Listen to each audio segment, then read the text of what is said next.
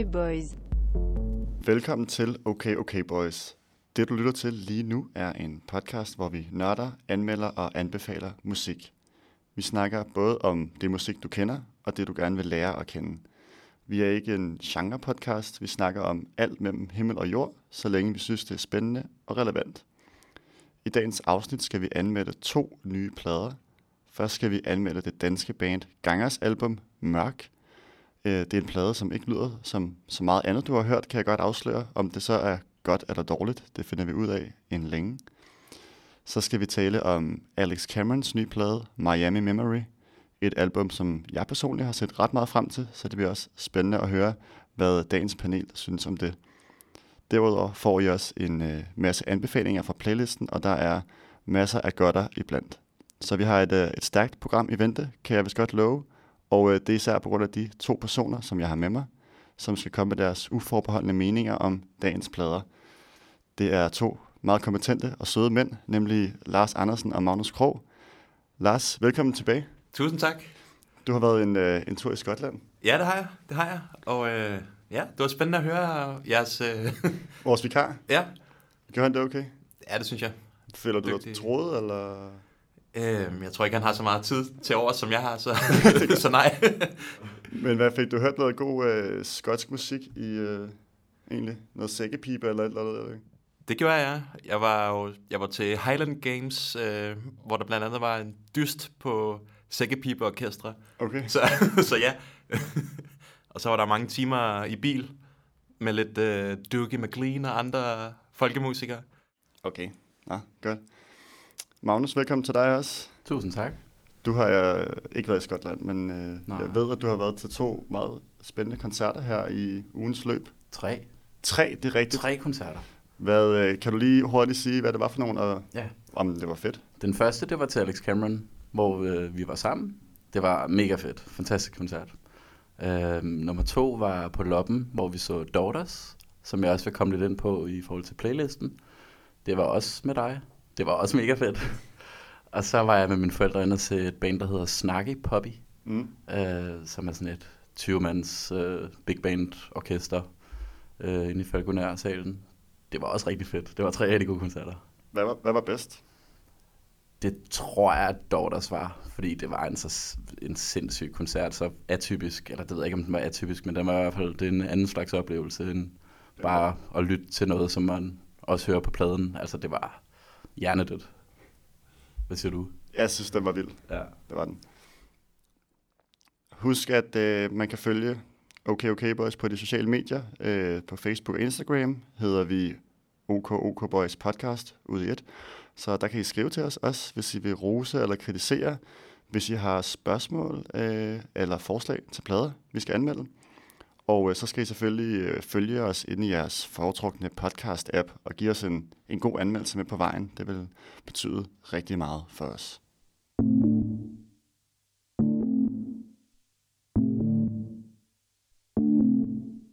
Okay, okay, boys. Vi starter med en øh, omgang OK, eller ikke OK, og øh, det foregår jo sådan, at jeg nævner en ting, person, koncept, genre, et eller andet, der har med musik at gøre, og så fortæller I mig kort og godt, om det er OK eller ikke OK. Det, den her hot eller not, er det fedt, eller er det ikke fedt.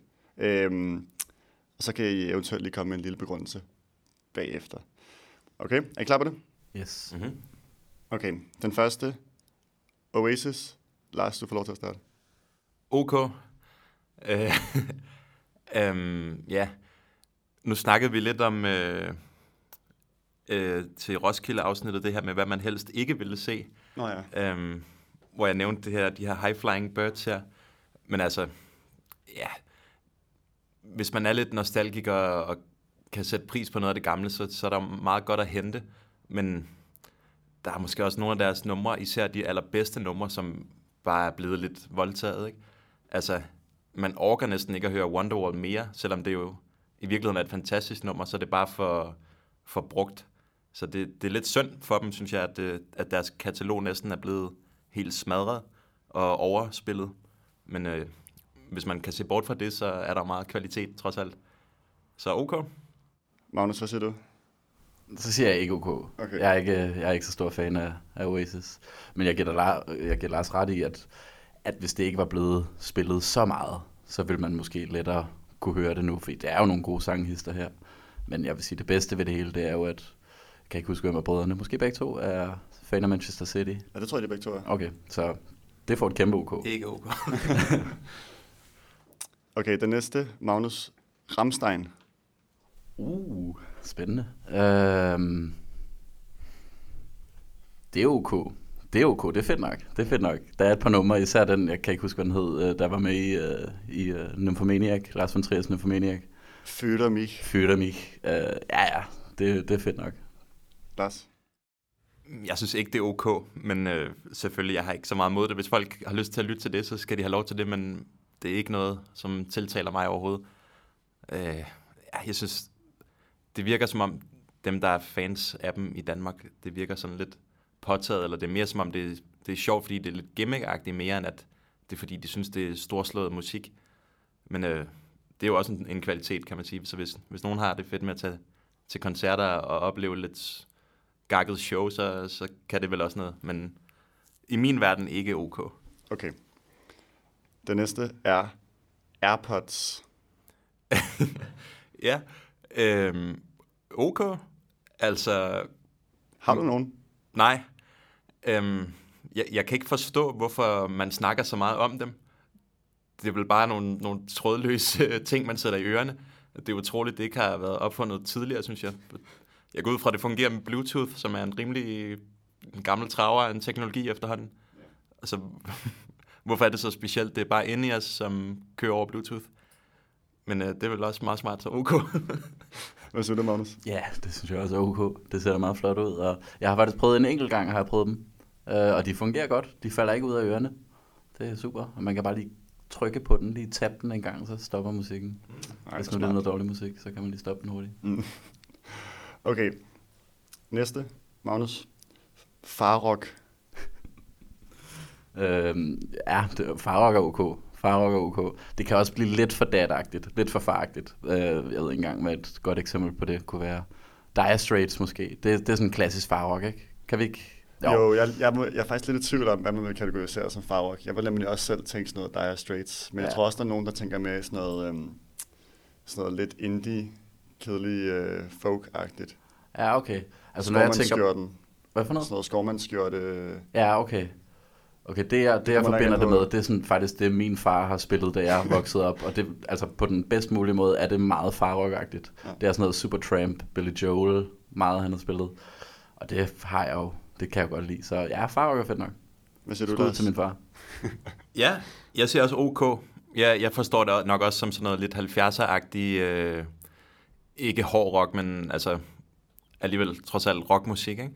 Øhm, og der er jo mange af de der numre, som sådan er, er vidtfavnende, og som folk kender, uanset om man selv har levet den tid eller ej. Det er sådan nogle, de store numre inden for den genre er sådan nogle, som alle kan være med på, og det, det synes jeg er fedt. Det er meget sådan inkluderende musik, og ikke så kompliceret. Det, det har en stor kvalitet, synes jeg. Cool. Okay, den næste er CD'er. Ja, ok. Øhm, jeg benytter mig faktisk en, en del af CD'er stadigvæk, hvor jeg tager ned på mit lokale bibliotek og låner dem og ja, overspiller dem og selvfølgelig øh, betaler nogle... Øh, Overspiller du CD'erne? Øh, ja, jeg lægger, jeg lægger noget andet ind på. Ej, jeg, jeg ripper dem, hedder det vel, øh, i 2019. Eller dengang man brugte CD'er, 2009. øh, ja, så øh, jeg, jeg kan stadig godt lide at eje musikken, også selvom det er digi- digitalt. Så jeg kan godt lide at låne en CD, lægge den ind, og så lægge den over på min iPod og gå og lytte til det. Du er også en af de få mennesker, jeg kender, der stadig bruger iPod. Yes. Skud ud til det. Magnus, hvad siger du? Kæmpe OK. Man kan sige, det er jo vores, vores generations plader. Vi er jo lige den der gyldne generation, før alt blev digitaliseret og efter pladerne. Så det minder jo mig jo også, som Lars rigtig beskriver, det der med at gå på biblioteket og låne en ordentlig stak CD'er og rip dem ned på sin iPod. Øh, jeg bruger aldrig CD'er længere, må jeg så desværre indrømme, men, men fedt, fedt, fedt. Vil det egentlig sige, Lars, du har en computer, hvor der er et CD-drev i? Øh, nej, det troede jeg, da jeg købte det. Og så kom jeg til at, at skrive en bred mail om, øh, hey, mit CD-drev vil ikke åbne. og så fandt jeg så senere ud af, at det ikke havde et CD-drev. Så måtte jeg ud, så måtte jeg ud og købe et eksternt CD-drev med USB-tilslutning. Okay, fedt. Så yes. Det er til gengæld ikke ok. Computer uden CD-drev. Nej, det synes jeg heller ikke. Nej, okay. Fylder jo ikke så meget. Det er rigtigt. Okay, den sidste. Øh, nu kan jeg ikke huske, hvad vi er nødt til. Er det dig, Magnus, der får den? Du får den. Danish Music Awards. Uh, Det findes stadig. ja, var det ikke noget med, det lige har holdt pause et år? Det gjorde det nemlig jo. Ja. Og så er der, har, det, har det lige været her. Øh, ja, det er sgu ikke ok. Eller, ja, det er også lidt hårdt at sige. Jeg har aldrig set det. Jeg bryder, bryder mig ikke så meget om de der awardshows, må jeg lige indrømme. Jeg synes, det i far for at lyde alt for arrogant her, så synes jeg, det er en lidt underlig måde at skulle konkurrere om musik og, og sådan finde ud af, hvem der er bedst. Og det er jo altid en vis jury, der sidder og vurderer, og der er jo, det er jo ikke bare kvaliteten på musik, eller hvad musikken kan i sig selv. Det har jo også noget med, hvad der er blevet afspillet mest. Jeg, jeg læste en eller anden nyhed om, der var en eller anden gut, der var sur, fordi han mente, at han skulle være, have vundet eller været nomineret, fordi han havde fået rigtig mange Spotify-lyt Mm. afspilninger. Og det er bare sådan, altså, det interesserer mig ikke sådan noget. Nej. Hvad siger du, Lars? Altså ok, men øh, på en eller anden måde også lidt ikke ok. Jeg, jeg kan godt lide sådan nogle shows. Jeg synes, det er meget underholdende at se. Jeg er også sådan en, der er vild med Melodi Grand Prix og sådan noget. Selvom meget af musikken, for ikke at sige det meste af musikken jo er, er frygtelig, så kan jeg godt lide det der spektakel, der, der finder sted. Så sådan har jeg det også lidt med award shows og ja, den slags. Men øh, jeg er totalt enig med Magnus i det der med, at det, ja, okay, nu, nu prøver vi at sidde her og anmelde musik, så vi er jo nødt til også at, at tage den kasket på, men det, det er svært at sidde og sige, det her er det bedste, og det her det, det er det bedste inden for den genre, og det ene og det andet, det, det bliver sådan lidt for kunstigt. Der er så meget forskellig musik derude, der har forskellige kvaliteter, så svært at pege på en, Ja. som er værdig vinder af X-kategori. Ja, så kritikken er det også jo gået lidt på det der med, at det er meget de store pladeselskaber, der sidder og fejrer sig selv. Mm. Ikke? Jeg kan, nogle af vinderne her fra i år, det er årets danske solist Casey, årets danske radiohit Lucas Graham, Love Someone, årets danske live-navn Nick og Jay. Og så har de stadig den genre med, som jeg altid har synes var mærkelig. Øh, årets danske urban-navn. Det er også Casey. Jeg tror, det er en øh, paraplybetegnelse for alt, der... Øh, Alt der ikke er dad rock. ja, lige præcis. Nå. Jamen, øh, det var alt for OK eller ikke OK. Øhm, lige om lidt skal vi i gang med anmeldelsen af Gangers Mørk.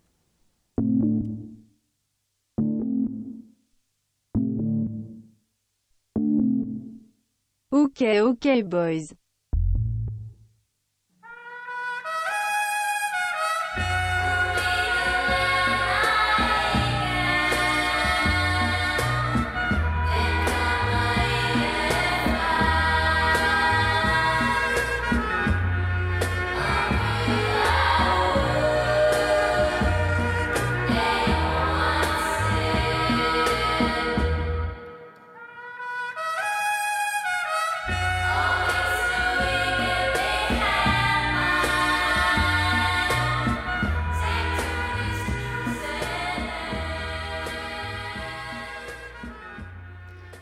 Starter i dag med et nyt dansk band ved navn Ganger, der netop har udgivet deres debutplade Mørk.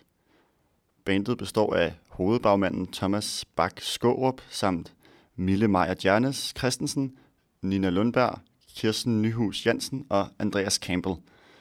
Og øh, den her sammensætning, det er fire vokalister og en trommeslager, så det er noget aparte opsætning, vi har at gøre med, men Mørk er også en lidt anderledes plade.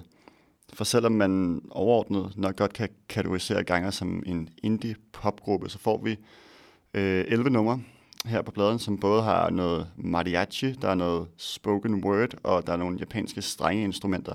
Så det stikker altså i, i mange forskellige retninger. Selv fik jeg øje på Ganger, da jeg hørte singlen Olympisk, som handler om en stedfar, der har stjålet et tv, og øh, jeg var meget spændt på at høre mere fra gruppen. Og øh, selvom jeg ikke havde sådan nogle bestemte forventninger til den her plade, så blev jeg meget overrasket over lyden på albummet, over også den ambition, der er på det. Øh, Lars, jeg beskriver det som, eller kalder det indie pop her, men jeg ved ikke, jeg synes ikke rigtigt, det er helt rammende, men hvordan vil du beskrive ganger for nogen, der ikke havde hørt det før? Ja, det, det er svært at beskrive, fordi det er så alsidigt og stikker i så mange forskellige retninger.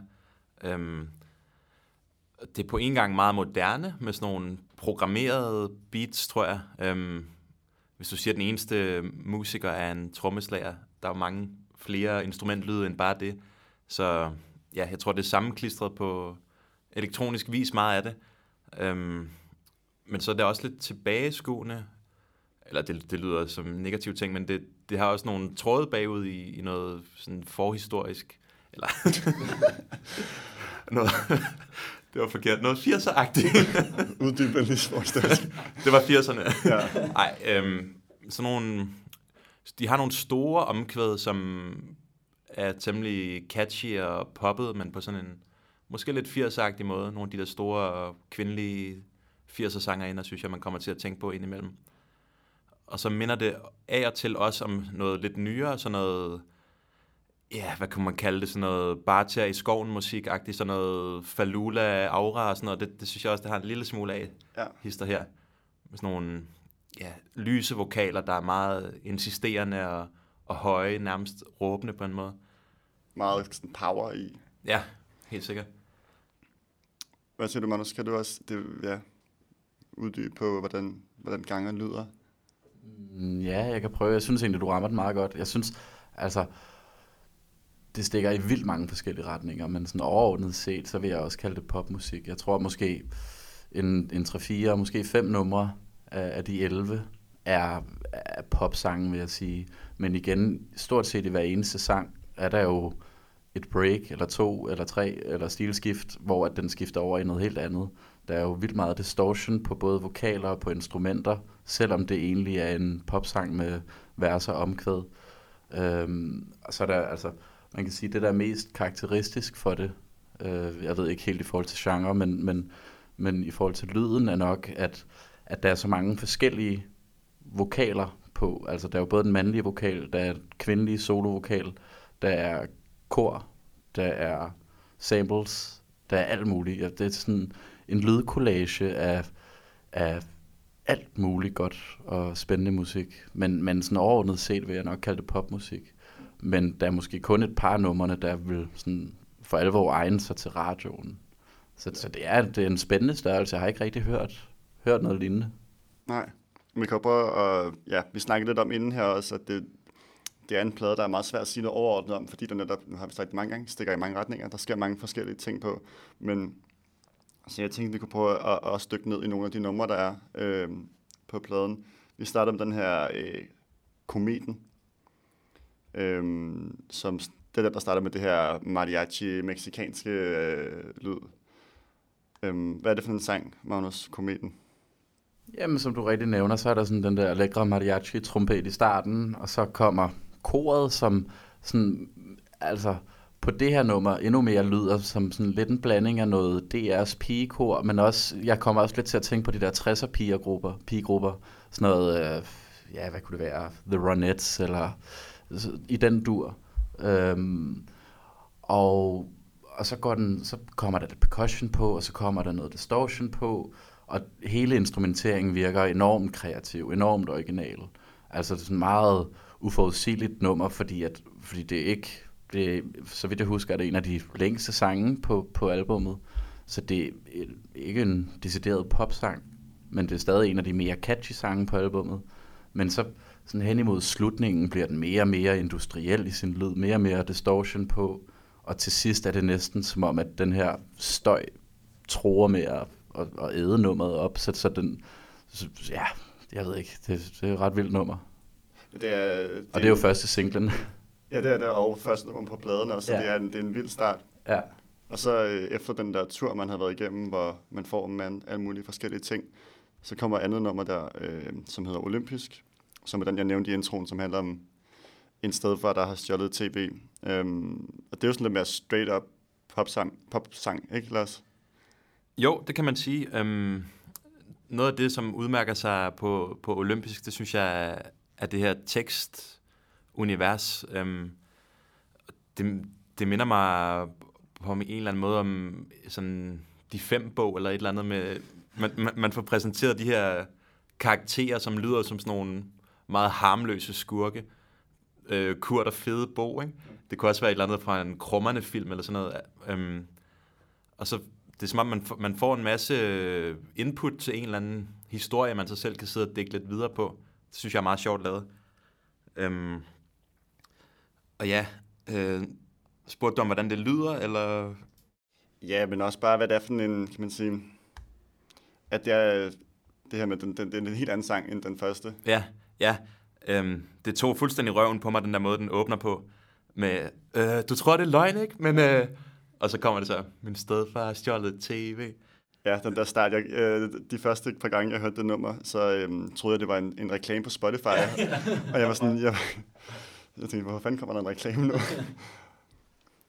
Det er rigtigt, og hvis jeg lige skal vende tilbage til kometen, der, der sker det samme, men, men, men det er noget helt andet, der udløser det, men jeg var nærmest overbevist om, at der, hvor skiftet sker midt i, eller en tredjedel inden, eller hvornår det er, at det var et helt andet nummer. Og så lavede jeg lige alt tappen der, og kunne se, okay, eller det kontrol-tab, at det var, stadig det, det var stadig det samme nummer, som jeg havde hørt lige før. Det kom også bag på mig. Ja, ja det synes jeg også, at øhm, det, der også har været svært ved det, det er egentlig at huske sangene i deres helhed. Fordi man kan huske, så kan man huske noget af det. Så kan jeg huske, og kometen, der er noget trompet i starten, men jeg glemmer så, at der er et eller andet industrielt støjagtigt til sidst, fordi at der sker så mange ting på en enkelt sang. Ikke? Jo. Øhm, en anden sang, som jeg synes er rigtig god for det, det her øh, album, det er den fjerde, der hedder Bye Bye. Altså det er også en, en pop en popbasker, ikke Magnus? Årets, årets sang. Årets sang? Ej, det ved jeg ikke. Det er faktisk ikke min yndlingssang på pladen. Men, men det er måske... Øh, er også olympisk. Er også en, en rigtig... En, en, en single, eller sådan en radiosang, kan man sige måske. Øhm, det er Bye Bye også. Der, der igen øh, det her, altså jeg er helt vild med vokalen. Jeg er helt vild med, at der både er den mandlige vokal, som er fantastisk, den kvindelige, eller de kvindelige, koret. Jeg synes, det, det der samspil mellem alle de her forskellige stemmer er, er så sindssygt fedt. Men, øh, men her bliver det sådan endnu mere gospelagtigt. Øh, det er måske m- mest gospelagtigt. Øh, meget kraftfuldt. Øh, og, st- ja, øh, jamen nu, nu, ja, nu tabte jeg lige tråden. Øh, Hvad siger du, Lars, til, den, til Bye Bye? Altså jeg, det, det er det nummer, jeg har haft mest på repeat, Mm. når jeg ikke har hørt hele albumet i sin helhed. Altså, Jeg kan også rigtig godt lide det. Øhm, måske fordi det, det er så umiddelbart i forhold til nogle af de andre numre. Det har også sådan en lidt quirky intro, men efterhånden bliver det jo ja, et decideret popnummer med altså simple rim. Sådan dig og mig, bye bye, nej nej. Altså det, det er super simpelt, men det gør også bare, at man fanger den med det samme, og allerede kan synge med på omkødet anden gang, man hører det, inden for samme, inden for samme afspilning. Ikke? Så det, det er super fængende, og så synes jeg, som Magnus også siger, det, det går virkelig op i en højere enhed, når de laver de her vokalharmonier.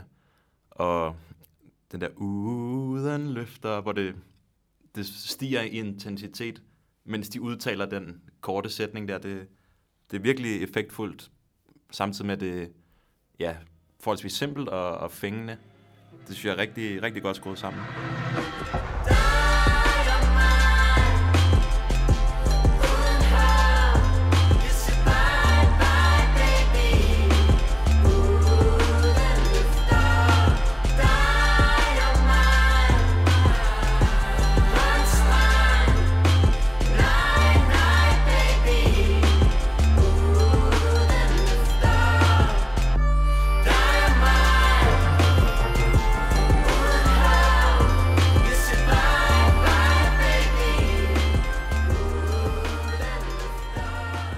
Kommer der jo, altså for at, at highlighte igen den her, hvor, hvor forskellige numrene er. Så efter den kommer der det nummer, der hedder Gud, det svinger. Hvad er det for et nummer, Magnus? Jamen, det er jo her, det bliver rigtig, rigtig interessant, synes jeg. Ikke, at de andre ikke har været gode, fordi at jeg er helt vild med deres mere poppede numre, og deres mere ligefrem numre, som Lars siger, at man kan synge med på næsten med det samme. Men her, Gud, det svinger. Øh, for det første en mega fed øh, sangtitel, synes jeg.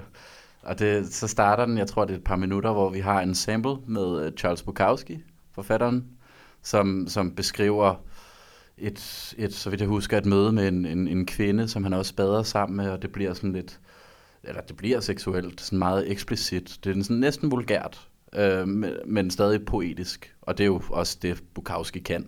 Øh, kæmpe fan af Bukowski, jeg synes, han er mega fed. Så det er et ret fedt sample, de har der.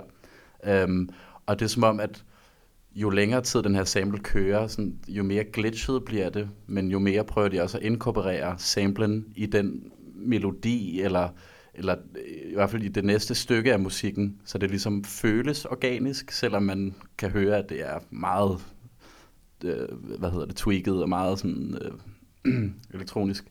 Øh, og så går den over i sådan super pitchet vokal med sådan koldt synthbeat, og Øh, den er industriel, den er sådan meget, den er sådan lidt electronic på et tidspunkt også.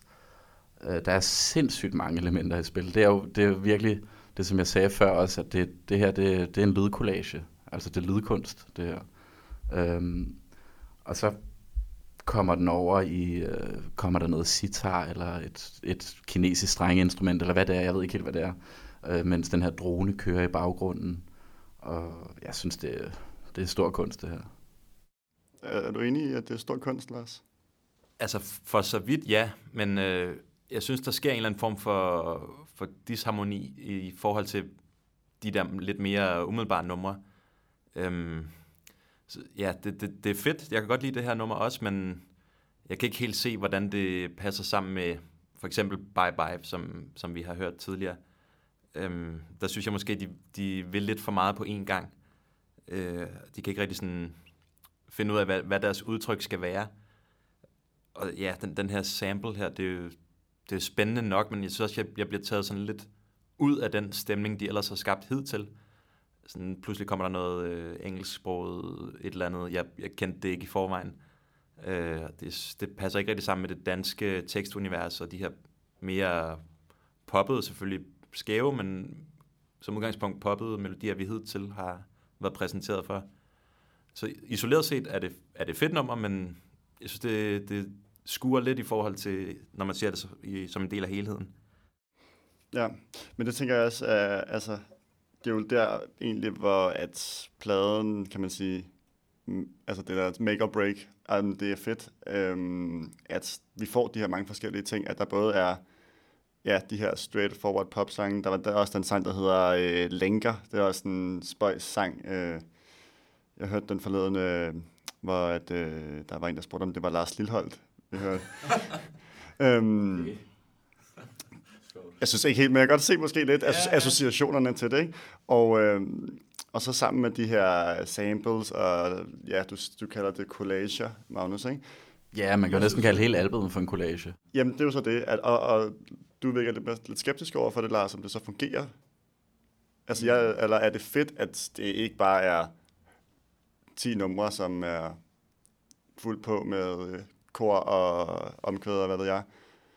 Altså ja, men, men der er alligevel for, for meget variant, synes jeg, til at det fremstår som et sådan samlet værk, der giver 100% mening.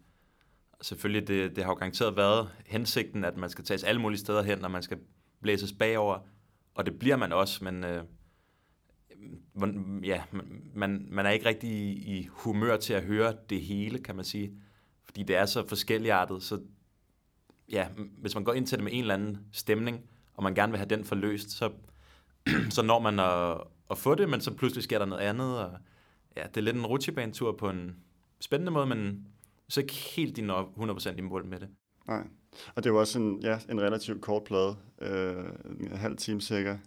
Mm. Altså jeg synes, øh, altså du har ret i, i, hvad du siger, Lars, men jeg, jeg synes, det er fedt, at, at det er den her rutsjebanetur, hvor at det er så, altså det er noget af det mest uforudsigelige album, jeg har hørt, fordi at du aner ikke, hvor du kommer hen, og selv når du hører albumet for tiende gang, så er der stadig en masse elementer, som du måske ikke havde fået med, og det, altså, det virker så, så frist og så nyt hele tiden, så det ved jeg ikke, jeg synes, nu, jo før, jo, altså når man frelægger sig den der tanke om, om formfuldendhed, eller, eller hvad vi kan kalde det, helstøbthed, så synes jeg, det er så endeløst spændende at lytte til. Og så synes jeg også, det er svært at se det i en kontekst, for jo, du, selvfølgelig er det her et værk, men det er også, så vidt jeg har læst mig til, en del af en trilogi. Øhm, så, så det er svært at se det i sit øh, i sin fuldendte fuldendthed. ja, hold op. Uh, nej, men det, altså, så, så jeg, så, at se det kontekstuelt med, med, med, med sig selv, eller med albumet som helhed, det, det, det ved jeg ikke. Det, det har jeg ikke noget problem med at frelægge mig, fordi jeg bare synes, det er så sindssygt spændende at lytte til. Ja, jeg kunne også godt lige tænke mig bare lige hurtigt at komme øh, omkring teksterne. Øh, og der, det, var også noget, det var også noget, vi snakkede om, at det var lidt svært at sige noget om teksterne. De er, du sagde, Magnus, at du synes, de var gode, men... Ja, men de er gode, men, men, men de er også sådan lidt, hvad kan vi kalde det, ubegribelige, eller sådan. Altså, jeg forstår ikke helt hele tiden, hvad det er, jeg bliver fortalt, eller jeg forstår godt anekdoterne, der bliver fortalt, og hvad det handler om, men sådan, hvor det skal bære hen. Men, men igen, det er også, altså, jeg føler lidt, at jeg sidder og lytter til, til, til røverhistorier, og så, uh, især, hvad hedder den, øh, olympisk er et godt eksempel på den her, hvor det bliver meget scenisk eller filmisk, øhm, og hvor du virkelig, altså den her fantasi, som de, som de udlader på det her album, den, den vokser ligesom i dig selv. Det, det er meget fantasifuldt skrevet, men jeg synes, det er svært at, at sige, hvorfor jeg synes, teksterne er gode. Øhm, så er der nogle af teksterne, som måske er lidt mere straightforward, altså hvor at for eksempel sangen, der hedder Und, som jeg også er helt vild med, øhm, hvor den er lidt mere til at, til at, at føle på, hvad det, hvad det egentlig er, der bliver snakket om. Men, øh, men jeg synes, de er super spændende teksterne, men jeg synes, det er svært at, at beskrive, hvorfor. Hvad, har du det på samme måde, Lars?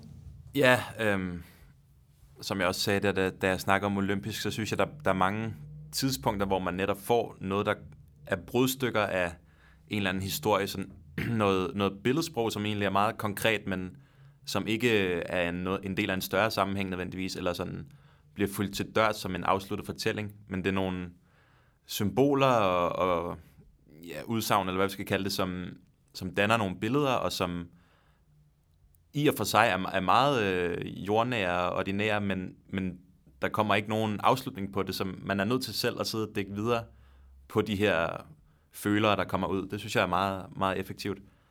Øhm, ja, det, det kan jeg godt lide. Alright. Nå, men jeg tænker, at vi skal prøve at, øh, at runde den af, hvis, hvis I kan det. Øh, en, øh, en, øh, en samlet vurdering og en score på 1-10. Magnus, vil du starte? Ja, øh, jamen, jeg må indrømme, altså da, da jeg hørte det første gang, og selv når jeg hører det nu, jeg, jeg, jeg har, I, kender, I kender det helt sikkert, at, at når man hører så meget musik, så har man nogle perioder, hvor man føler, at det hele lyder lidt som hinanden, og man, det er ligesom sådan en bakkedal, øh, når man lytter til så meget musik. Øh, og så en gang imellem kommer der de her kunstnere frem, eller albums frem, hvor at, altså det er næsten ligesom at forælde sig i en pige, eller en mand for den sags skyld. Øhm, og, og jeg har det, altså jeg er smadsforelsket det her album og det her band. Jeg, har, jeg er så op at køre. Jeg, jeg synes, det, det, det er sådan en ny verden, der, der åbner sig for mig på en eller anden måde. Jeg ved godt, det er store ord, men, men, men sådan har jeg haft det lige fra starten af, og, og det har jeg egentlig stadig. Og det, og det er så tydeligt, at det her album udspringer et eller andet ønske om at føre dansk musik videre, om det så er dansk popmusik, eller hvad det er for noget. Men at, at, at virkelig ikke sætte nogle grænser for, for fantasien. Øhm, men selvom det er poppet og fantasifuldt, så går man heller ikke ned på kompleksitet. Øh, jeg føler enormt meget, når jeg hører albummet. Jeg danser meget, når jeg hører albummet. Altså, jeg, jeg, sådan, jeg kommer hele vejen rundt. Jeg føler mig sådan renset på en eller anden måde, når jeg har hørt det. Øh, og det synes jeg, ja, det synes jeg er fantastisk egenskab. Så det, jeg synes virkelig, det er en, en salvandsindsprøjtning for, for, for dansk musik. Det er banebrydende, det er dristigt, det er ekvilibristisk, mm. øh, og en masse andre fine ord. Øhm, og så synes jeg, det er sjældent, at man sidder efter at have hørt et album, og sidder og hungrer og savler efter mere. Altså man kan sige, det er også kun det er 31 minutter, så det er ganske kort. Men, men det, det er jo en bedrift i sig selv, at man føler, at... Altså jeg sad efter at have hørt albumet, så havde jeg kigget, hvordan kan jeg se nogle live-videoer, hvordan kan jeg komme ind til en koncert, for jeg simpelthen ikke havde fået nok. Så kan man sige, det her måske... Det kunne måske godt lige have puttet fem minutter ekstra på. Jeg synes, de, der er måske en lille smule for lidt. Du sidder og råber, råber ekstra nummer. Ja, altså, altså de numre, som jeg måske bedst kan lide, linker, olympisk, det er jo også nogle af de kortere numre, hvis vi ikke tager de der interludes med. Eller, ja. Øh, men ja, det er en, en frisk start for dansk musik, det her.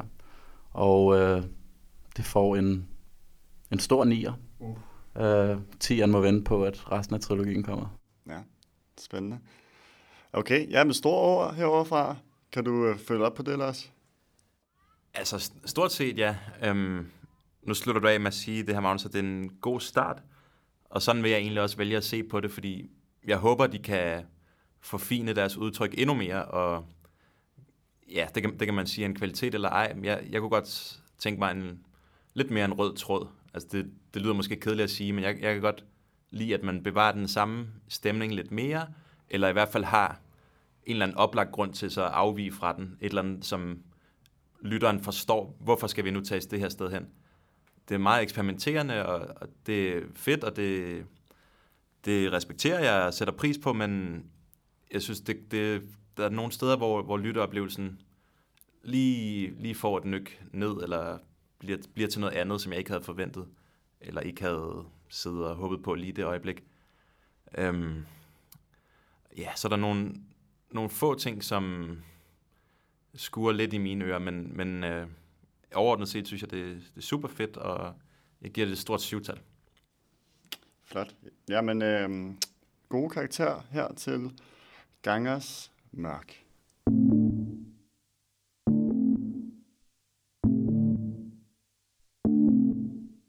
Okay, okay, boys. Nu skal vi til en omgang anbefalinger fra den officielle OK OK Boys playliste. Og øh, til hvert afsnit, der finder vi her 10 numre hver. Det kan være noget, vi lytter til for tiden, og der bare gerne vil anbefale. Og så lægger vi dem ind på vores playliste, som man så kan spille, finde inde på Spotify. Og i det her segment, der snakker vi så om nogle udvalgte numre fra playlisten. Og øh, Magnus, vil du ikke starte med at fortælle lidt noget om noget, du har håndplukket til os? Det kan du tro, jeg vil. Det første nummer, jeg har med, det er fra Angel Olsens nye plade. Øhm, nummeret hedder Lark. Lark. Øhm, og det er, det er sådan, jeg føler, uden at have hørt Angel Olsen så meget i virkeligheden, så føler jeg, at det er sådan, et nummer, der er meget karakteristisk for hende. Det er sådan skiftevis meget indadvendt og meget voldsomt sådan følelsesudbrud. Uh, hun starter ud sådan meget intim på nummeret, hvor hun nærmest visker eller taler, ikke helt, men, men tæt på i hvert fald. Der er lidt stryger, der er lidt guitar. Uh, trommerne kommer lige så stille ind, den bygger op. Men sådan måden, hvorpå den lige pludselig eksploderer, den der insisterende tromme og hendes, hendes vokal, som er så kraftfuld, som, ja, som ikke, ikke så mange andre i hvert fald. Altså, det er sådan en helt vild dynamik, der er mellem det intime og det, det voldsomme, kan man sige. Øh, og så i tredje, efter tredje vers kommer der sådan en strygerpassage, og det er, sådan, det er sådan lidt uhyggeligt, og det er sådan meget filmisk også på en eller anden måde, sådan meget dramatisk. Øh, og så teksten, hun er fantastisk sangskriver, synes jeg. Det er sådan, hvad handler den om? Den handler om et, ja, et forlist forhold, kan man måske sige. Og den er fantastisk. Den er også hjerteskærende, hendes tekst. Jeg kunne næsten citere den hele, så jeg vil undlade at citere den. Men, øh, men kæmpe skud til Angel Olsen. Jeg har ikke fået hørt pladen så meget endnu, men øh, fantastisk, fantastisk nummer. Spændende. Jamen, jeg har ikke heller ikke fået hørt albumet endnu, men jeg glæder mig også til det. Hun lavede et for et par år siden, som var rigtig godt. Ja. Det kan jeg også anbefale. Lars, vil du fortsætte med noget, noget lækkert? Ja, selvfølgelig. Um, jeg har en del forskellige hiphop på den her gang. Um, nu skal jeg nok tage dem et af gangen, men dem jeg vil snakke om, det er nogen, som uh, ja, viser, hvor, hvor alsidig den genre kan være. Um, det første, jeg vil tale om, det er med AJ Tracy, som hedder Ladbroke Grove. Um, det er... Ja, han- han er en, øh, en grime-artist, som ja, vel, er mest er populær hjemme i Storbritannien, tror jeg. Um, jeg har godt sådan været bekendt med ham i noget tid, men uden rigtig at have dyrket ham. Men så, som du nævnte, var jeg jo i, i Skotland en tur her, og der blev den spillet ret meget på BBC, det her nummer. Og det, det synes jeg var fedt, fordi det, det er meget inspireret af sådan noget garage-musik, som var stort i ja, lige omkring årtusindskiftet. Øhm, måske også mest i Storbritannien, men i hvert fald dem, som hed Artful Dodger, dem hørte jeg meget. Øhm, og ja, gør det jeg til stadigvæk. De lavede noget med Craig David og nogle, nogle forskellige. Øhm, så det var sjovt, tænkte jeg, at det, det kunne være, at der blev... Øh, at ham her Tracy her, han vil udforske det igen, og sådan ligesom prøve at genopdage det, for der, der er rigtig mange elementer af det, der minder om det her. Sådan noget med nogle pitched vokal samples, og øhm, selvfølgelig et omkvæd, der går igen, men også mange, øh, mange af de linjer, som er i verset, går igen, og det er egentlig meget repetitivt og, og simpelt, og, men øh, dansabelt, og det, det er klubmusik, samtidig med det ja, hiphop skåret over en bred kamp. Så det synes jeg var, var ret spændende, og på en eller anden måde lidt fornyende, selvom det var træk tråde fra noget, noget lidt gammeldags. Mm, spændende. Mm. Det skal jeg i hvert fald tjekke ud. Uh, jeg synes i hvert fald, grime, det, det er sådan en genre, som... Jeg synes ofte, det er fedt, men det kan være meget ensformigt også, ikke? Jo. Der, um, nice. Ja, jamen, uh, jeg har et nummer med fra uh, den danske gruppe Kogekunst, som uh, lige har udgivet en ny, en ny single, der hedder La La. Og uh, Kogekunst er et, et, et, et, en favorit af programmet her, um, som er et, et fantastisk dansk band. Um, de lavede et album sidste år, som øh, jeg tror også, vi har nævnt det her i programmet nogle gange, som var helt fantastisk. Lidt i, øh, nu snakker vi om ganger før, jeg synes også, at Kogekunst er et band, som gør noget, man ikke ellers hører på den danske musikscene. Og jeg har også været så heldig at se dem live et par gange her i løbet af året. Og øh, når de har spillet live, har de spillet den her sang, der hedder La La. Og øh, jeg ved ikke, om I kan huske den. I var, har også været med og set Ja, den. Hvor det, er- de er jo to, to i bandet her, som synger begge hvor de så står, hvor den ene siger la la la la la la la, og så synger den anden øh, en tekst, og så skifter de over, så det så er den, den ham, der sang teksten før, synger så la la, og så, øh, det er virkelig sjovt, og øh, nu er den så kommet, den her sang, og øh, der er en helt, helt fantastisk energi i nummeret. Jeg, jeg, jeg ved ikke rigtig, hvad man skal kalde musikken. Eksperimenterende popmusik? Er det ikke noget i den stil? Jo. Øhm, men det, det er den første single fra deres nye album, som kommer lige om lidt, som så vist skal hedde La La Landia. Øh, ja, øh, også nogle, altså teksterne er meget sjove. Så det glæder mig rigtig meget til at høre mere fra dem. Og øh, ja, med en, en lovende første single. Ja, og de har jo release-koncert 23. november. Ja, Hvis nogen vil ind og snakke med OK OK Boys, gutterne. Ja, man kan, møde os, i- man kan møde os i, i Levende Live nok ind til uh, release-koncert, som er på uh, Alice i København. Ja, så også en koncertanbefaling. Mm. Magnus, Ja. hvad har du mere? Jamen, øh, jeg har en, en spøjs lille, lille størrelse. det er et, et band, som, som jeg lige har opdaget faktisk. Et band, der hedder Yellow Magic Orchestra, med en sang, der hedder Technopolis. Uh, det er sådan en japansk synthpop-gruppe. Den her sang er fra et album, det eneste album, jeg har hørt, fra 1979, som hedder Solid State Survivor. Uh, stor anbefaling til albummet generelt. Uh, det, det er helt vildt funky og groovy synthpop eller new wave musik. Og det er, sådan, det er virkelig farvet, og det er sådan et ret mærkeligt album også. Uh, blandt andet er der et, et cover af Beatles Day Tripper på albummet. Um, øh, den her sang adskiller sig en lille smule fra resten måske. Den har sådan mere sådan space disco, uh, science fiction vibe over sig. Sådan med lidt mystiske, spøgelsesagtige synthesizers. Det minder mig lidt om uh, Isao Tomita, som jeg faktisk også har på spillisten. En japansk øh, pioner inden for elektronisk musik, som også lavede det her lidt, lidt spøjse, lidt sjove musik. Uh, altså det er en virkelig sjov og dejlig lytteoplevelse, det her. Og, og funky. Så det er en kæmpe anbefaling. Mm. Noget sjov synth. Hvad har, har du noget, øh, noget sjovt med, Lars? Noget sjov hiphop? På en måde, ja. Øhm, det næste nummer, jeg vil snakke om, det er med LL Cool J. Og inden I afskriver ham som en sådan halvdårlig skuespiller her i øh, år 2019, så prøv lige at dykke ned i hans øh, musikkatalog fra 80'erne og 90'erne. Det er altså stærke sager, skal jeg lige love for. Øhm, så ja, som jeg har lavet mig forstå, har han været altså, virkelig kæmpe stjerne dengang, og kvindebedår med, med stort K. Og øhm, ja, han er sådan super slick og har den her helt øh, laid-back levering. Og øhm, de fleste af num- hans numre er sådan nogle, hvor han netop synger om alt det her med, hvor sej han er, hvordan det kører for ham, og hvordan han har styr på damerne og alt muligt andet. Man kender det. Nemlig. øh, jeg får bare ikke skrevet så mange tekster om det. Men, men så på det her nummer, som er fra, fra Mama Said Knock You Out-albummet, øh, hvor han har brugt det meste af tiden indtil, indtil da, indtil det her kommer i tracklisten på at netop at snakke om de her emner, som, vi, eller som jeg lige beskrev, så har han et nummer her, hvor han vender den fuldstændig om og beskriver sådan et øh, fald fra tinderne, kan man sige, hvor han kigger tilbage på, hvor, hvor fed han var engang, og hvordan det hele plejede at køre for ham. Men nu er han så kommet i økonomiske vanskeligheder, og så er det hele bare vendt 180 grader. Så nu er der ingen af pigerne, der kigger hans vej, og han har ikke råd til noget af det segetøj, han plejede at gå i. Øhm, det hedder Cheesy Rat Blues, som er super fedt. Lidt atypisk for ham, i og med det, det er sådan lidt selvrevsende. Øhm, øh, men ja, han laver nogle super sjove øh, vendinger. Det, det, lyrikken er i højsædet, og han artikulerer altså enormt godt, og ja, man fanger alt, alting, hvad han siger.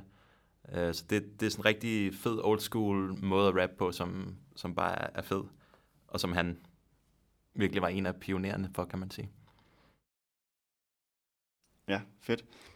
Øhm, det nummer, jeg vil øh, anbefale nu, det er sådan en helt anden retning. Øhm, jeg genså for nylig den film, der hedder øh, The Square, øhm, som er en rigtig god film, og det har også et rigtig godt soundtrack, nemlig. Og der er sådan et nummer, der går igen i filmen, som er sådan noget vokalarrangement af en art, og så, jeg troede, det var noget, der var skrevet til filmen, men da jeg så lige var inde og, og undersøgte det bagefter, fandt ud af, at det er øh, Bobby McFerrin, der har lavet det, og det var ikke det eneste, jeg kender Bobby McFerrin for, det er Don't Worry, Be Happy-sangen, som er sådan happy-go-lucky nummer, som sådan lidt hjerne, på en lidt hjernedød måde. Øh, men han har også åbenbart lavet sådan en øh, masse a cappella, vokal improvisationsmusik, og den her sang, den hedder Improvisatio nummer 1. Øhm, og jeg prøvede at lytte lidt mere til noget af hans diskografi. Det er ikke noget, jeg kan anbefale, men det her nummer er virkelig godt. Øhm, jeg ved, Magnus, du har også været vild med, med The Square. Ja, ja, i høj grad. Og øhm, ja, så det er også en anbefaling om at se filmen, hvis man ikke har det. Øhm, men, men det her nummer, som er, det er skørt, men det er meget stemningsfuldt også. Mm. Ja, Magnus, vil du fortsætte? Det vil jeg gerne. Så skifter vi lidt tempo igen. Øhm, det næste nummer, jeg har, det er med Daughters, som vi nævnte, eller jeg nævnte tidligere i forhold til koncerten. Oliver og jeg var inde til. Og øh, lad mig starte med at prøve at beskrive, hvad Daughters er for noget musik. Nej, først skal jeg måske lige sige, at sangen, jeg har valgt, hedder City Song. Jeg glemmer altid at sige sangens titel. Øhm, nu skal jeg prøve at beskrive. Det er sådan, det er sådan meget industrial. Det er støjet, altså støjrock, industrial rock. Øhm, der er lidt punk over det.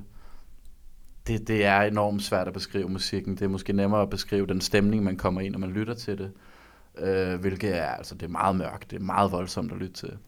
Det er meget ekstremt fysisk musik. Sådan næsten dyrisk, vil jeg sige. Det er sådan, altså, du, du har lyst til at tage et bad eller to, efter du har hørt albummet. Det, men på en, en fed måde, hvis man selvfølgelig er humør til det.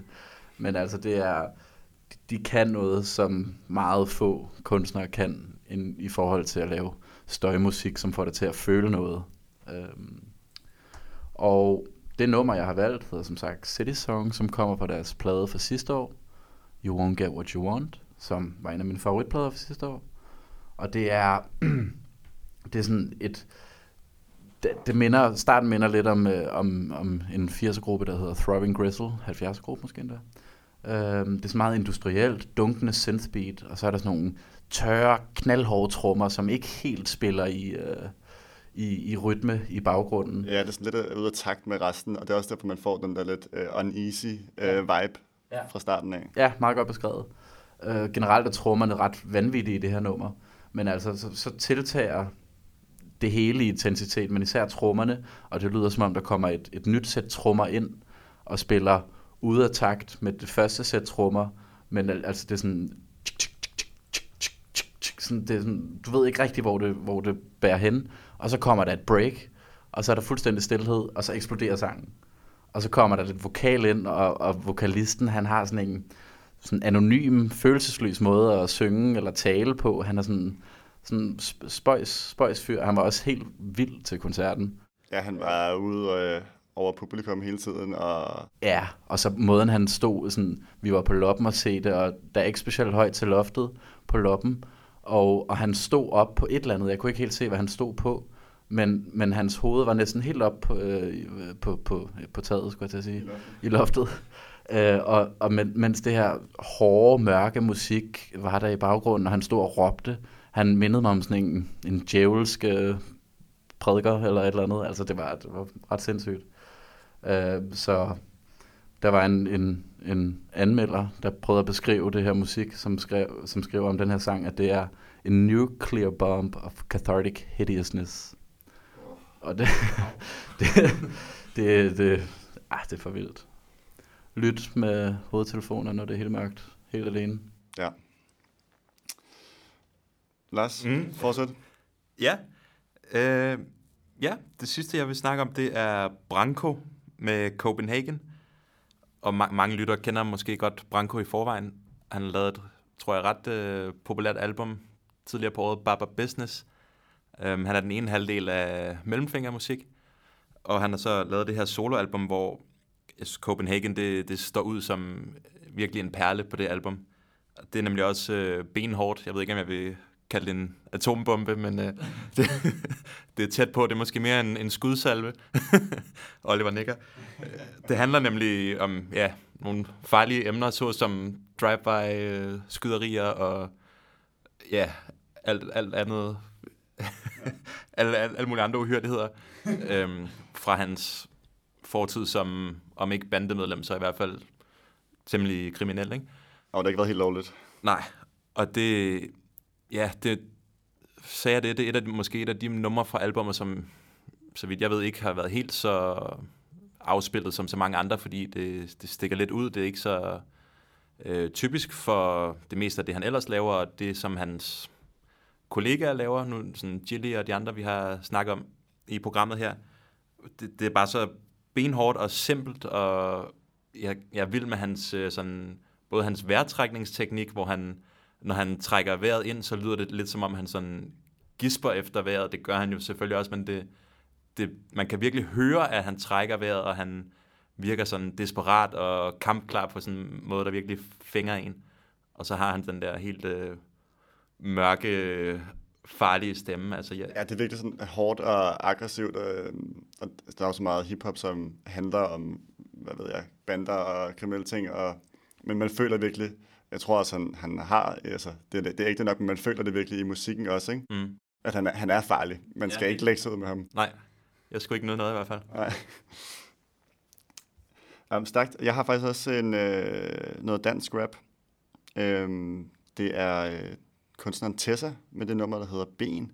Og Tessa er sådan en ung dansk, ja, som jeg sagde, og øh, kvindelig rapper. Og det er nogle gange lidt åndssvagt, det der med at sige en kvindelig rapper, men især i Danmark har vi virkelig ikke haft særlig mange.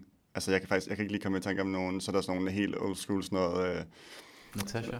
Natasha er vel lidt rapper og sådan noget, øh, Miss på Cuba og sådan noget. Ja. Um, men øh, hun er virkelig sej, hende her til, så det er, det er sådan meget straightforward hiphop. Um, hun er en dygtig rapper, har et fedt flow, øh, sådan en benhård levering. Benhård, for det er det, hun synger i sangen.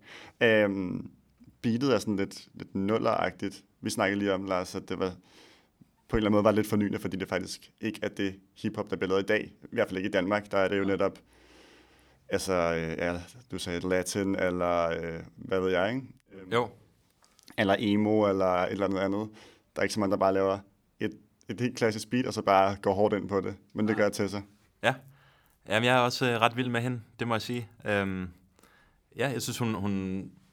Det er måske også lidt øh, i forhold til, at der, det netop er de her trends, hvor der ikke er så meget fokus på teksterne og så videre, men jeg synes, at hun, hun etablerer sig som en af de federe danske tekstforfattere inden for, inden for rap, sådan, med sådan noget virkelig hård bravado, som altså, ja, man netop ikke har set fra en kvinde i, i lang tid, i hvert fald i Danmark. Det synes jeg, hun, hun gør virkelig godt og sådan autoritært og autentisk. Og øh, ja, jeg tror da i hvert fald, jeg skal have indarbejdet det der ord ben i mit øh, vokabularie. Ja. Yes. Øh, ja, men det var jo øh, alle de numre, vi havde med fra playlisten. Man kan som sagt finde den inde på Spotify. Den hedder bare Okay Okay Boys playlisten, så søg den frem. Øh, rigtig god playlist. Til, til alle begivenheder kan man sætte den på, faktisk. Mm. Mm-hmm.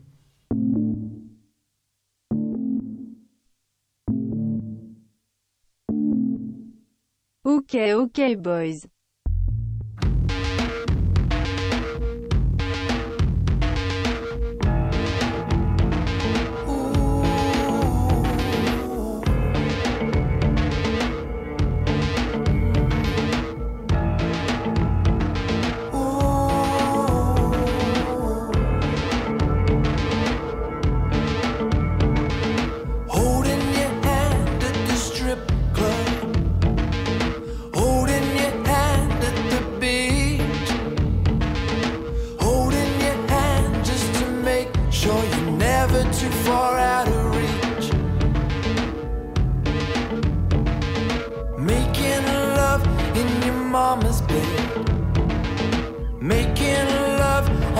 The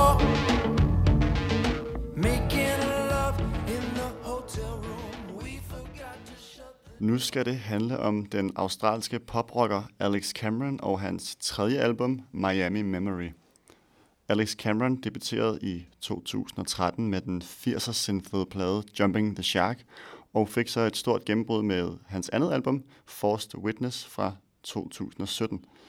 Og øh, det var også med det sidstnævnte album, at jeg selv faldt over øh, Cameron, og jeg faldt for hans sjove og charmerende fortællinger om åndssvage moderne mænd, som man måske, måske ikke kunne spejle sig i. Og øh, det her var så blandet med en, en super catchy lyd. Der var både lidt Bruce Springsteen-agtige tendenser til tider, og, og lidt 80'er New Wave-agtige øh, ting til andre tider. Og øh, så det var også derfor, jeg havde meget høje forventninger til den her plade, Miami Memory. Og øh, på den får vi øh, musikalsk endnu en gang de her poppede, synthede numre. Og øh, på tekstsiden er der både plads til sådan lidt mere personlige kærlighedsnumre, og der er også nogle sange om sexarbejdere, politisk korrekthed og også lidt om alkoholisme. Øhm, Magnus, jeg ved, at du øh, ligesom mig havde glædet dig til at høre nyt fra Alex Cameron. Som et lille barn. Ja. Hvad, hvad er det så for en plade, vi har fået fra ham her?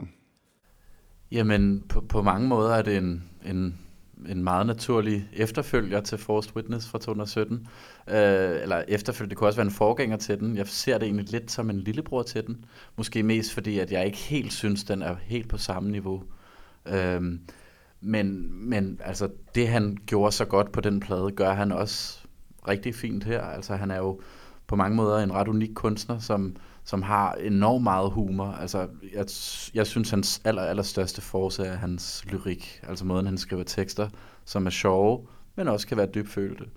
Øh, han, har, han har rigtig meget øh, swagger. Altså, ja. Han har, og så har han en virkelig god sans for melodi også.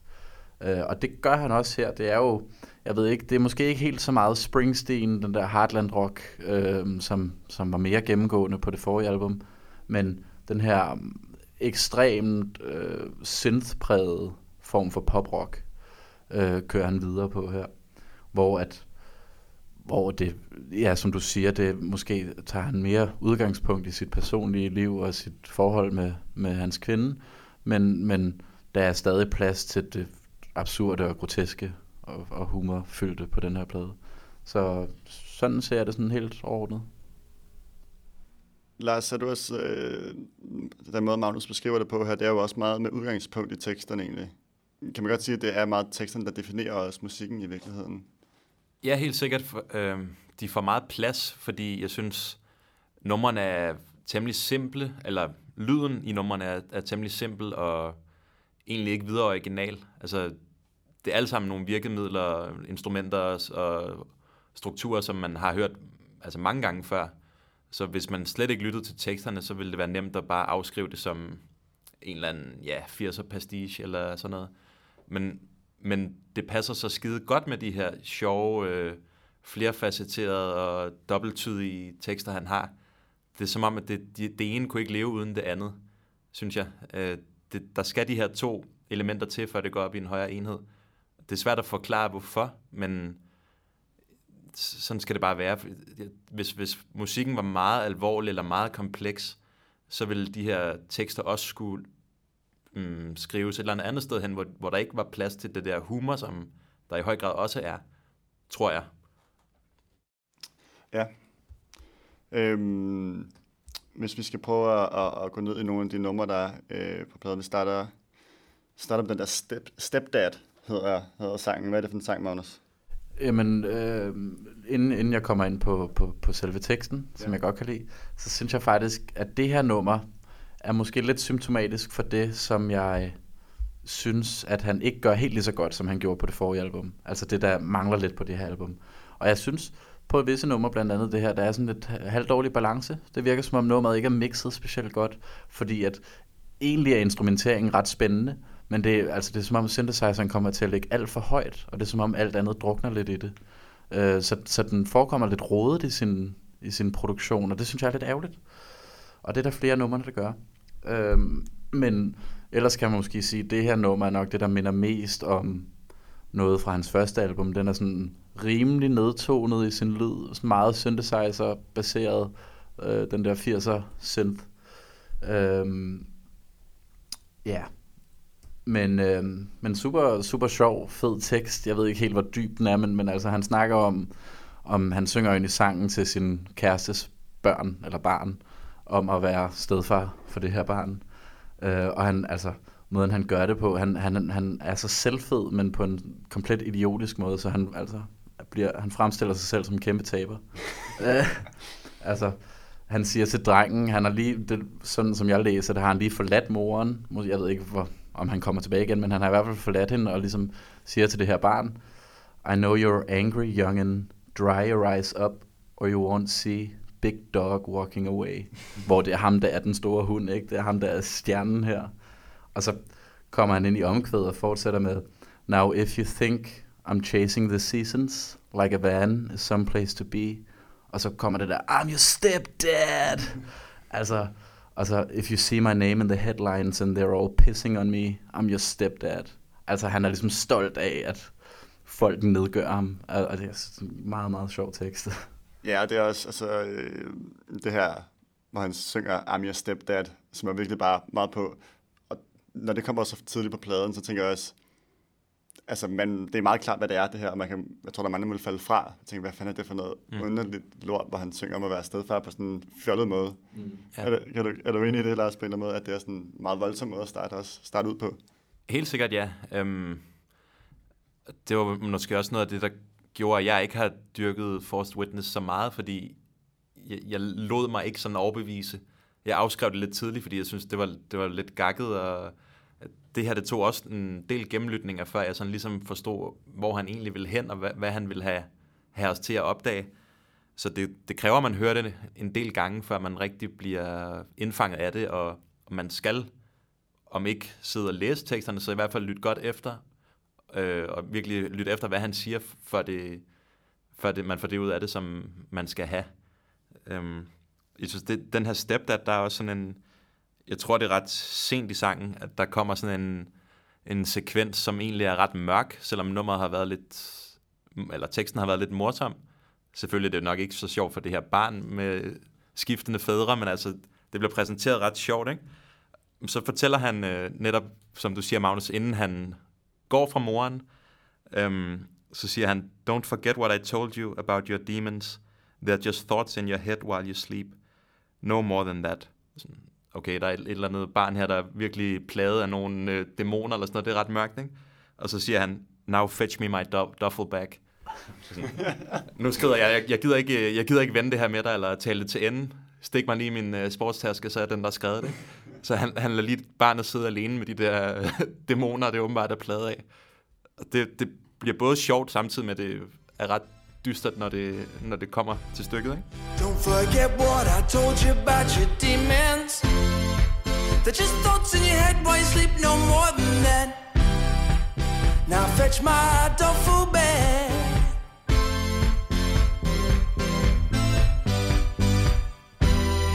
If my ride ain't here, then it's coming.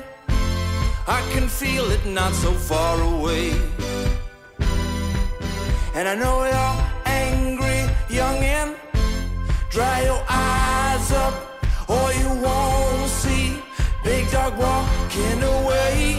Now, if you think I'm chasing the seasons like a van is someplace to be, I'm your stepdad, and I know they say I'm scheming to leave him, dreaming my life Jo, og det er vel også det lidt, han kan, at det er, at han tager de her, øh, kan man sige, om det er ham selv, eller tager udgangspunkt i sig selv, og skaber en eller anden karakter ud af det, og, øh, og så fremst, eller fremviser, hvor nederen den er, men så på en mega sjov måde. Mm. Ikke? Mm. Og det er også, fordi han selv virker så...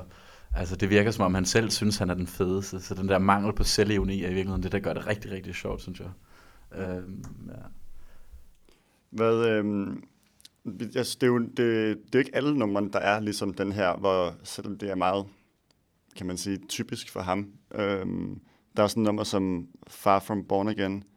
Øh, det er, øh, kan man sige, den måde, det bliver spillet på, er måske meget klassisk for ham med øh, meget catchy do-do omkvæd. Øhm, men den handler om sådan noget sexarbejde eller et eller andet, som jeg har forstået det. Ja, altså, sådan ser jeg også på det. Og jeg ser det lidt som sådan en kommentar omkring sådan noget slut-shaming, eller hvad man, man kalder det. Altså det her med, at det er så nemt at pege på en eller anden kvinde og sige, ej, det er fandme noget amoralsk, du laver. Han snakker så blandt andet om en, der medvirker i noget porno, ikke, i omkvædet. Og sådan, men der, der er noget kæmpe dobbeltmoral i samfundet med, at alle vil gerne forbruge de her sexprodukter eller videoer, eller hvad det kan være. Men man vil ligesom ikke sådan anerkende, at der skal også nogen til at producere det. Og det, det gør han på sådan en lidt omfavnende måde, ligesom tager partiet for de her mennesker, som, som ja, hvad kan man sige, øh, møder efterspørgselen og, og producerer det her. Ikke? Og dem, dem, der så er centrale figurer, det er jo kvinderne, fordi det mest er mænd, der forbruger de her ting. Så no, nogen er nødt til at gøre det, og så snakker han om, at det kan være sådan en empowerment-ting selv at tage styringen med det og så videre. Så det er en ret, ret øh, spændende indgangsvinkel. Ja, og det er den meget, øh, altså også den der, man kan sige, vinklen er meget anderledes end for eksempel Stepdad, hvor han, kan man sige, viser noget dårligt ved selv at være det. Men her er det meget udefra en kritik, og han, kan man sige, er mere sådan allieret med det her, den, den gruppe, han så snakker om, ikke? Mm. Øhm, Jamen, han bryder lidt, bryder lidt mønstret, og måske minder mere om, om, om øh, ej, det ved jeg ikke, om, om, om Forced Witness. Det synes jeg, han havde flere af de der, hvor det måske er mere en tredje persons fortæller, hvor han kommenterer på nogle situationer. Han gør det også på Bad for the Boys. Øh, de, de, de hænger lidt sammen, hvor han også ligesom snakker om et generelt samfundsproblem, i stedet for at snakke om han, ham selv. Han fletter det så ind på en måde. Men, øhm, men hvor han egentlig starter med at, at snakke om, at, at han aldrig skulle have troet, at han ville have ondt af, af de her drenge, som sidder fast i de her øh, kønsroller, den her, hvad kan man sige, forældede maskulinitet. Øhm, og på en eller anden måde, selvom man godt ved, at han ikke mener det, så lægger han lidt op til, at han egentlig synes, det er lidt synd for, for gutterne. Øhm, men så jo længere ind i sangen vi kommer, og altså, jo mere tager han afstand fra dem, ikke? ja, han starter ligesom nærmest med at være sådan, ah, der er også alt det politiske korrekthed, og tage den stemme, og så går han over i at sige, okay, det er måske dem, der skal til at Ja, for eksempel i omkædet, hvor han siger, at here comes the grammar police, here comes the PC brigade, and here comes the mattress on the floor from the bed you tried to get her to make. Altså, hvor at han, det er sådan lidt, ah, han føler måske lidt, de overreagerer, så skal man lige pludselig sove på gulvet, fordi man gerne vil have hende til at redde sengen. Men, men så til sidst, så tager han lidt til genmail og siger, no one cares about your good old days. Altså, vi er ligeglade med, at I ikke kan, kan gøre det, I har sluppet af stederne tidligere og, og slutter så også af med uh, Not so sure I feel bad for the boys. Guess I don't feel bad for the boys. Så det, den er meget sjov, hvor han lige krøller den lidt. Men uh, ja, ja. Men det, det, det synes jeg egentlig er klart fra start af. Jamen, det er det også. At, uh, ja, så jeg synes på en måde, det bliver lidt mindre raffineret, end det ellers kunne have været, kan have været. At han føler, at han har behov for at forklare, hvor hans sympati egentlig i virkeligheden ligger. Jeg synes, jeg synes det, det er tydeligt fra start af, selvom han synger og egentlig taler dem op, de her boys her, så er det tydeligt, at det, det er ironisk, og det er en satire over det her. Så jeg synes ikke, han havde behøvet at netop skære det ud i pap, at ej, det er egentlig faktisk ikke det her, jeg mener. Jeg, jeg mener lige det modsatte. Det, det er en lille detalje, men jeg, jeg synes ikke, det, det havde været nødvendigt. Det havde fremstået lidt stærkere, hvis han havde fulgt det perspektiv til dørs hele sangen igennem. Ja. Øhm, kan I, øh, Magnus, kan du ikke prøve at, at sige, hvad, hvad, er, hvad er højdepunkterne på den her, på den her plade? Jamen, øh, jo, det kan jeg godt. Faktisk øh, nummeret efter øh, Bad for the Boys, der hedder Endes Nej, der synes jeg, at et af de lyriske højdepunkter kommer. Fordi der, der synes jeg, at hele teksten er ret komplet, og den er, er virkelig sjov, men den er også ret sørgelig. Hvor han snakker om, at, at han ikke kan leve uden sin kvinde, og hvis hun forlader ham, vil han hellere dø. Øhm, øh, altså, jeg, jeg har lyst til at læse hele teksten højt, jeg skal nok lade være, men og snakker også om sit alkoholproblem, og om at drikke kaffe giver ham mere lyst til at dø, og det minder om hans fars Bible shit, øhm, og han vil savne at se sin datter vokse op som en mand. Altså det er sådan nogle små nogle, det synes jeg bare er vildt sjovt. Og så til sidst kommer der sådan en, til sidst siger han, at han er fuld. Jeg, lad mig lige, øh, ja, nu læser jeg lige lidt højt, ikke? Ja. Så, så siger jeg, she said, you look all hungover, and you smell like a skunk. Og så siger han, how can I be hungover if I'm still drunk? Og så kommer der sådan en lille crescendo, hvor at den ligesom bygger op, og hvor han gentager det her, I'm still drunk, sådan hvor han virkelig er selvtilfreds, altså han synes, han er for fed, fordi han er fuld lige nu, ikke? Og det er så latterligt, men altså, jeg, synes, jeg synes, det er så griner det her. Og men, som han siger, han er ikke fuld nok til at føre romantiske klichéer af. Um, så det synes jeg lyrisk set er et, er et højdepunkt. Jeg synes PC With Me, der kommer lige efter, det er også en af mine favoritsange. Øh, igen, både i forhold til teksten, men det synes jeg måske også er en af de mere catchy sange. Måske noget, der mangler en lille bit smule. Ikke at resten af sangen ikke er catchy, men, men de, det musikalske niveau er ikke helt på højde med Forced Witness-pladen. Øh, men PC With Me synes jeg faktisk er, er deroppe. Og hvor han kommer med alle mulige sjove ordspil. Uh, we got fires huck in Prague. Sodomy in Berlin without no Guten Tag. Så griner jeg. okay, ja, men øhm, jeg tænker, at vi skal prøve at øh, ja, komme med en øh, karakter. Lars, du kan få lov til at begynde. Ja, altså som tidligere nævnt af os alle tre, tror jeg, så skal man jo forelske sig i helheden af de her lidt sjove, øh, lidt jordnære, simple elementer, som på en eller anden måde smelter sammen og, og giver mening på den måde. Der er ikke sådan enkelte numre, hvor man tænker, at det her det, det er fandme øh, stor kunst, men når man så plukker elementerne ud og sætter det sammen, så giver det alligevel en ekstra dimension. Øhm, så kan jeg ikke lade være med lidt at tænke sådan noget, at øh, giver man ham nogle steder lidt ekstra point, fordi man ved, det er ham, man ved, han er sjov og spidsfindig, tillægger man så nogle af hans sætninger noget ekstra kant, som han måske ikke selv har skrevet ind i det, hvis, hvis det giver mening. Ja, Ja. Øhm, ja, så der kan være sådan en lille bitte snært af noget kejserens nye klæder eller sådan noget, men, men ja, altså, jeg, jeg køber præmissen, og jeg, jeg synes, at det, det skulle have været gjort nøjagtigt sådan her. Man kunne ikke rigtig have lavet det her album på andre måder, end det her lidt, måske lidt øh, udtærskede lydflader egentlig, eller sådan, ja, i hvert fald ikke, ikke videre originale, og så med de her sjove, skæve tekster, men som også rummer lidt mere end som så. Øhm, ja, så han, han vender jo rigtig mange sådan hot topics, eller tekster, som, eller emner, som man snakker meget om i vore dage, og ja, sikkert som mand generelt. Og det, det gør han på en, en sjov måde, men også lidt sådan, I ved, ligesom hvis man står på et eller andet moderne museum og kigger på et abstrakt maleri og tænker, jeg kunne fandme også have lavet de der tre penselstrøg der, ikke?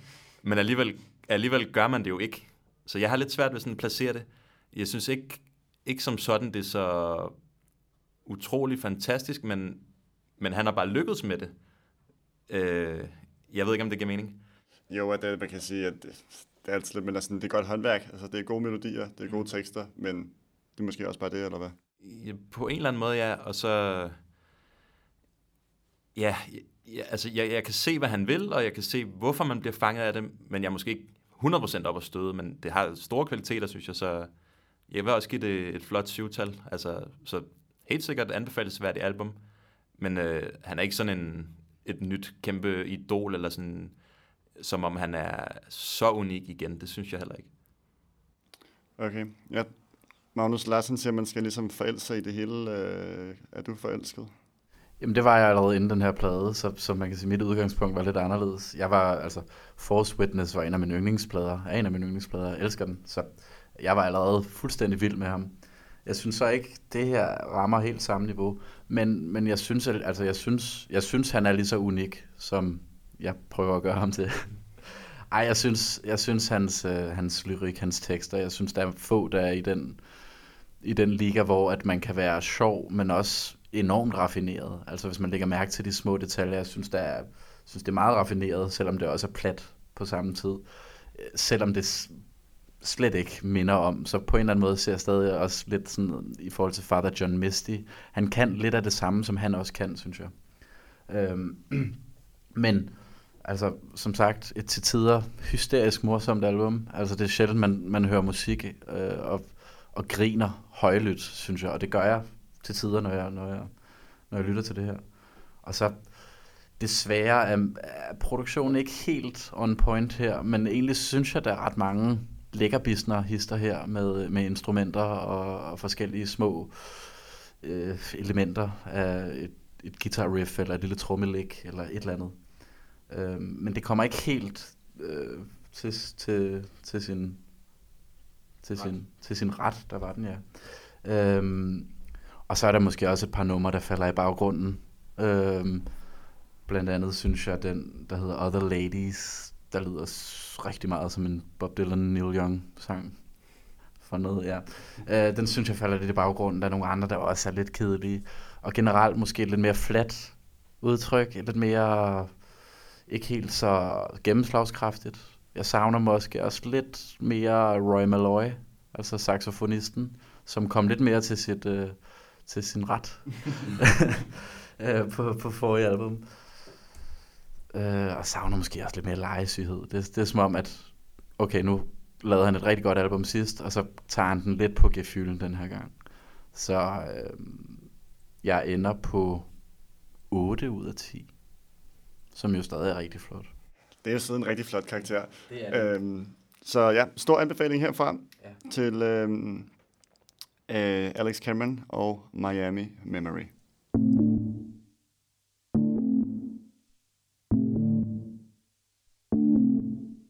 Okay, okay, boys. Det var alt for i dag. Tak til øh, jer to, fordi I øh, endnu en gang kom og klogede jer. Tusind tak, det var godt at være tilbage. Tak for I må. Ja, det er godt. Der er ikke Øhm, andre, der gider at høre på mig. Nej. øh, husk at øh, følg Okay Okay Boys på de sociale medier. Øh, på Instagram og på Facebook. I kan også gå ind på vores hjemmeside, okokboys.dk, øhm, hvor jeg skal skrive til os, hvis I har spørgsmål og ris og ros, og har forslag til plader, vi skal anmelde. Og selvfølgelig allervigtigst, følg os inde i jeres øh, podcast-app og, og giv os en god anmeldelse, hvis I synes det er godt, og spred ordet, så bliver vi rigtig glade. Øh, I studiet i dag var Magnus Krog, Lars Andersen og mit navn er Oliver Åbo. Vi lyttes ved.